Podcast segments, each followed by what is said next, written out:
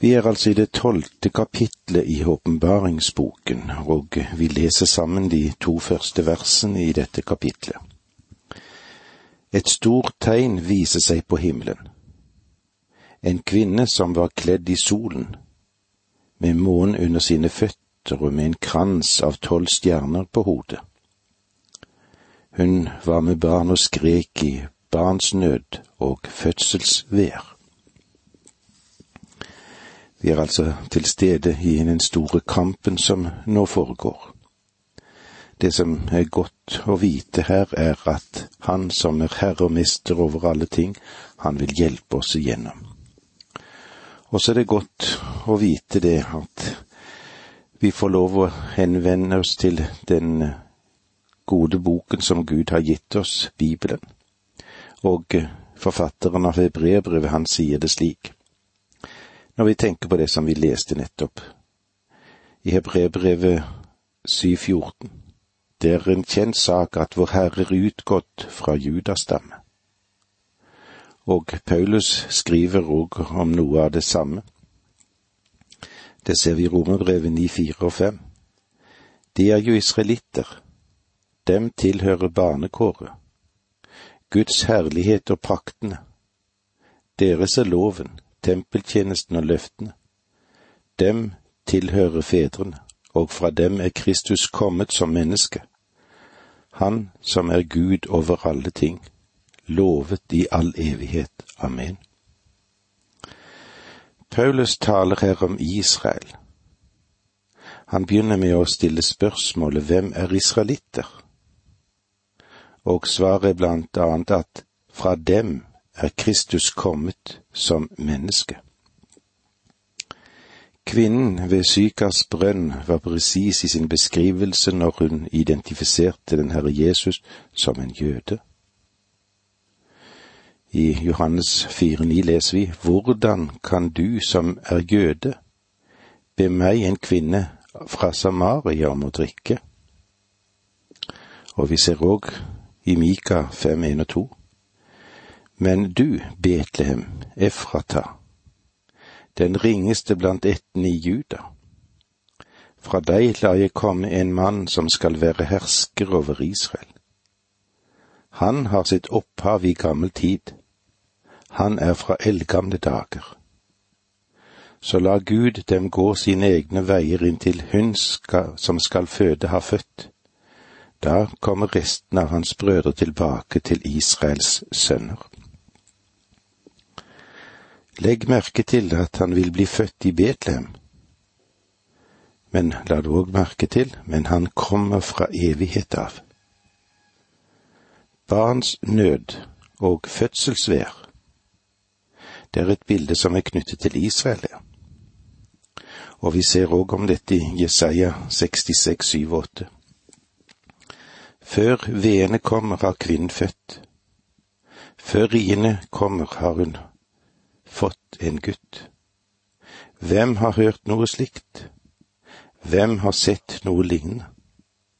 Kan et land bli til på en eneste dag? Kan et folk bli født på et øyeblikk? Men Sion fødte sine barn med det samme veene kom. Israel vil gå gjennom den store trengsel etter at Kristus ble født i Betlehem. Før veene kommer, har kvinnen født, betyr Kristus. Derfor tillater jeg meg å identifisere denne kvinnen som Israel. Ingen kvinne som har levd, inkludert jomfru Maria, passer inn i dette. Det er Israel og visselig ikke menigheten gjennom alle tider. Om vi bare holder fast ved merken her og ikke taper hodet, så vet vi at dette er den store trengselstid, og at menigheten allerede befinner seg i himmelen. Denne kvinnen er ikke kirken gjennom historien. Israel Israel har sannelig litt under det, det sataniske, antisemittiske krefter fra Kristi fødsel og til dette øyeblikk. Ja, selv før dette for Satan visste at Kristus ville komme fra dette folket. Vi går nå videre og ser litt på den røde drage, og skal vi si Satan. Nå fremstilles en ny karakter for oss, og denne karakteren den er ikke behagelig. Dette er den røde drage. Dette er ingen morsom karikaturskikkelse, for det er ikke noe morsomt med han i det hele tatt. Nei, dette er dystert, og det er, er, veldig alvorlig. Vi leser versene tre og fire i kapittel tolv. Også et annet tegn viser seg på himmelen. En stor ildrød drage kom til syne, med sju hoder og ti horn, og på hodene hadde den sju kroner. Med halen drog den med seg tredjedelen av stjernene og kastet dem ned på jorden. Draken stilte seg foran kvinnen som skulle føde, for å sluke barnet så snart det var født. Og et annet tegn viser seg på himmelen. Legg merke til at dette er et tegn som er gitt oss. Det er ikke bokstavelig eller virkelig i den form. Jeg har tidligere sagt til dere at om Johannes gir oss et symbol, så vil han markere det som et symbol. Den ildrøde dragen blir identifisert som Satan i vers ni. Denne store drage ble styrtet. Den gamle slange, han som kalles djevelen og Satan, og som forfører hele verden. Han ble kastet ned på jorden, og hans engler med ham, står det altså i vers 9. Denne skikkelsen kan vi altså peke ut uten spekulasjoner. I dette andre tegnet blir Satans sanne karakter åpenbart, og all innpakning er blitt tatt bort. Han blir kalt stor på grunn av hans store makt. Han kontrollerer folkeslagene i verden og tilbyr dem også til den Herre Jesus Kristus, vil han, hvis han ville tilbe ham. Dette kan du se om i Matteus 4, versene 8 og 9. Hva Satan tilbød Jesus. Tilbedelse av seg selv er Satans endelige mål. Rikene på jorden er hans, og han kontrollerer dem i dag. På den tid var det Rom, men han har kontrollert hver bidige nasjon. Han ble kalt ildrød på grunn av at han var en morder fra begynnelsen av. Her kan vi se Johannes 8, 44. Dere har djevelen til far, og dere vil gjøre det deres far ønsker. Han har vært en morder fra begynnelsen og står ikke i sannheten. Det finnes ikke sannhet i ham. Når han lyver, taler han ut fra sitt eget, for han er en løgner og løgnens far. Han har ingen respekt for menneskeliv. Jeg kan ikke forstå hvorfor så mange tilber ham. Han ble kalt en drage på grunn av ondskapen i hans karakter. Han ble opprinnelig skapt som Lucifer morgendagens sønn, slik som det står i Esekiel 28, 12. Menneske, stem i en klagesang over kongen av Tyrus og si til ham, så sier Herren Gud, du var fullkommenhetens engel full av visdom og skjønnhet. Du bodde i Eden, Guds hage, og var dekket av alle slags edelstener. Rubin, topas, diamant, krysolitt, karneol og jade, safir tyrks og smaragd. Dine håndtrommer og smykker var innlagt med gull, de ble gjort i stand den dagen du ble født. Jeg gjorde deg til en strålende og vernende kjerub, du var på det hellige gudefjell og vandret mellom funklende steiner. Fra den dagen du ble født, var du hel i din ferd inntil det ble funnet urett hos deg. Din store handel førte med seg at du ble fulgt av vold og begynte å synde. Da støttet jeg deg bort fra gudefjellet og gjorde ende på deg, du vernende kirub mellom de funklende stener. Din skjønnhet gjorde deg hovmodig, og fordi du var så strålende, forspilte du din visdom. Da kastet jeg deg ned til jorden og overga deg til konger, så de kunne se på deg med skadefryd. Med all din skyld og din urett i handel vanhelliget du disse helligdommer. Så sendte jeg ild mot deg, og den gjorde ende på deg jeg lot deg bli til aske på jorden for øynene på alle som så deg. Alle blant folkene som kjente deg grøsset ved syn av deg. Du er blitt til skrekk og gru, og borte er du for alltid. Og med disse ordene må vi si takk for nå, må Gud være med deg. Dette undervisningsprogrammet består av to deler. Åge Nevland fortsetter nå med andre del av dagens undervisning. Vi er i Johannes' åpenbaring i det tolvte kapitlet der, og vi ser hvordan den røde drage Satan fungerer. Og vi leser i versene tre og fire her i det tolvte kapitlet. Også et annet tegn viser seg på himmelen. En stor ildrød drage kom til syn, med sju hoder og ti horn og på hodene hadde den sju kroner. Med halen drog den med seg tredjedelen av stjernene og kastet dem ned på jorden. Draken stilte seg foran kvinnen som skulle føde, for å sluke barnet så snart det var født. Vi har altså sett på at han blir kalt stor. Han blir kalt ildrød. Han blir kalt en drake på grunn av ondskapen i hans karakter han som opprinnelig var Lucifer, morgenrødens sønn. Men han er nå også uttrykket for ondskap og i dypet i all verdens vanvidd. Han er den farligste skapningen blant alle Guds skapninger. Og vet du, han er min fiende. Han er òg din fiende om du er et Guds barn. Årsaken til dyret, det vil vi se i kapittel 13. Der ligner draken både det gjenopprettede romerske imperium og antikrist, der de får sin makt fra og er kontrollert av Satan. Roma søkte gjennom sine to instrumenter, Herodis og Pilatus. De prøvde å knuse kvinnens barn. Sju hoder. Det antyder den fullkomne visdom som karakteriserte Satan som skapning, som opprinnelig var en av kirubene.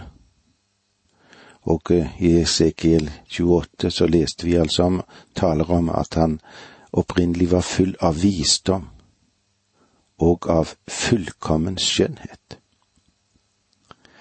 og dette åpenbarer to av de vrangforestillinger verden har angående Satan.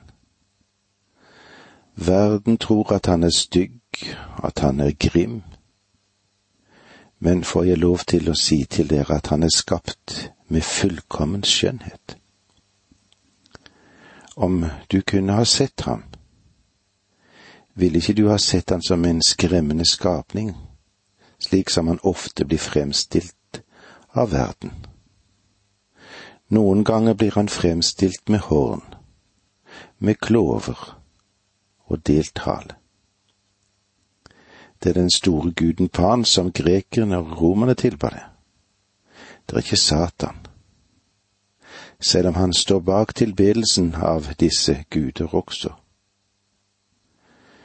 Noen flotte templer er jo innviet til guden Pan og det er ikke så merkelig at mennesker tilber ham. Når de ikke vil ha med Gud å gjøre, så griper de til avguder i stedet. Men Satan, Satan er smart. Han er dyktig, og han er klok. Du og jeg, vi er ikke sterke nok til å utmanøvre han. Vi vil snart være overvunnet om vi forsøker å reise oss imot han av egen kraft. Han er ikke bare vakker, men han er også full av visdom, og det er slik han blir fremstilt for oss i, i Bibelen. Ti horn Ti er en antydning om den fremtidige samling av det romerske riket som er dominert av Satan og hans siste forsøk på å herske over verden. Kronene er på hornene, ikke på hodet, fordi de har delegert makt fra Satan. Kroner representerer kongelig autoritet og herskermakt. Tredjedelen av stjernene forteller hvor omfattende opprør i himmelen var da en tredjedel av englehæren fulgte Satan til sin egen ødeleggelse. Og Daniel henviser til dette i et vers som jeg må medgi det vanskelig å tolke. Men la oss ta det med, det står i Daniel 8,10. Det vokste helt opp til himmelens hær og det kastet noen av denne hæren og av stjernen ned på jorden og tråkket på dem. Draken Draken hater barnet fordi det forutsagt var begynnelsen at barnet skal knuse Satan. Jeg vil sette fiendskap mellom deg og kvinnen, mellom ditt avkom og hennes ett. Den skal knuse ditt hode men du skal hogge den i hælen, står det i første Mosebok, kapittel tre, vers 15. Kvinnens barn, Jesus Kristus, er det vi kan sette som overskrift over det vi går inn i nå. Da fødte hun et guttebarn, som en gang skal styre alle folkeslag med jernstav, og barnet blir rukket opp til Gud, til hans trone. Men kvinnen rømte ut i ødemarken til et sted som Gud har gjort i stand for henne, så hun der i 1260 dager kunne få mat og det hun trengte til. Guttebarnet er Kristus. Det er lett å identifisere ham her. Jeg håper at du ikke faller i den snare og likestiller dette barnet med kirken, selv om mange har gjort det som en gang skal styre alle folkeslag med jernstav. Det er en klar henvisning til Kristus. I Salme 2,9 så står det slik du skal knuse dem med jernstav og slå dem i stykker som leirkar.